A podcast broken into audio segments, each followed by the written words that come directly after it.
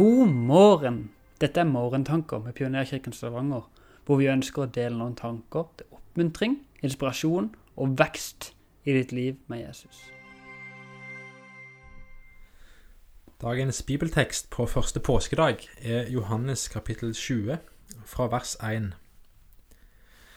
Tidlig om morgenen den første dagen i uken, mens det ennå er mørkt, roper, eh, kommer Maria Magdalena til graven.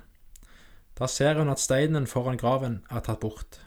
Hun løper av sted og kommer til Simon Peter og den andre disippelen, han som Jesus hadde skjær, og hun sier, De har tatt Herren bort fra graven, og vi vet ikke hvor de har lagt ham. Da dro Peter og den andre disippelen ut og kom til graven. De løp sammen, men den andre disippelen løp fortere enn Peter og kom først. Han bøyde seg fram og så linklærne ligge der, men gikk ikke inn i graven. Simon Peter kom nå etter, og han gikk inn. Han så linklærne som lå der, tørkleet som Jesus hadde hatt over hodet. Det lå ikke sammen med linklærne, men sammenrullet på et sted for seg selv. Da gikk den andre disippelen også inn, han som var kommet først til graven. Han så og trodde. Fram til da hadde de ikke forstått det Skriften sier, at han måtte stå opp for de døde. Disiplene gikk så hjem. Vi tenker ofte at første påskedag er fullt med sol og varme allerede fra morgenen av. Men som vi leser i denne teksten, så var ikke det tilfellet. Tidlig om morgenen, står det, mens det ennå er mørkt, så kommer Maria til graven. Sannsynligvis har hun ikke fått sove. I sorg og, og eh, i sorg og ja, med alle de følelsene som hun kunne kjenne, kunne kjenne på så kommer hun til graven for å stelle liket.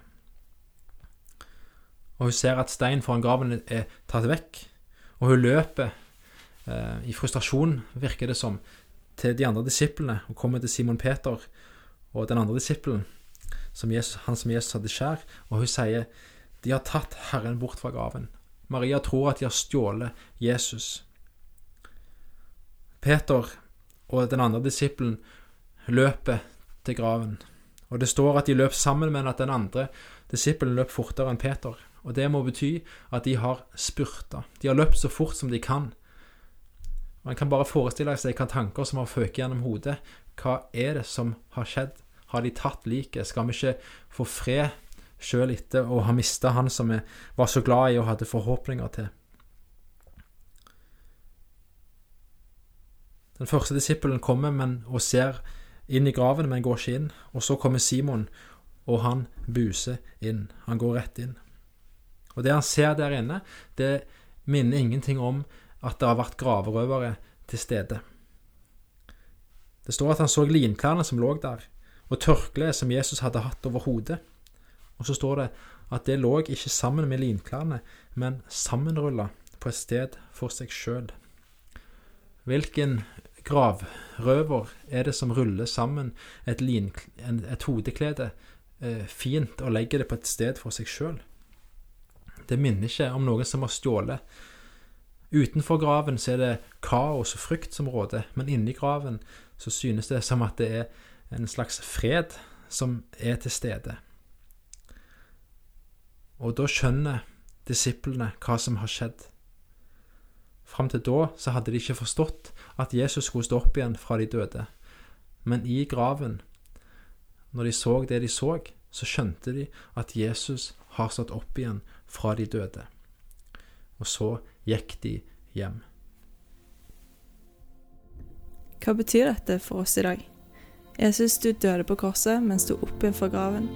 Jeg ber om at du gir oss en dypere forståelse av dette underet og kraften det har inni våre liv i dag. Mitt hjerte ser til Golgata, hvor Jesu blod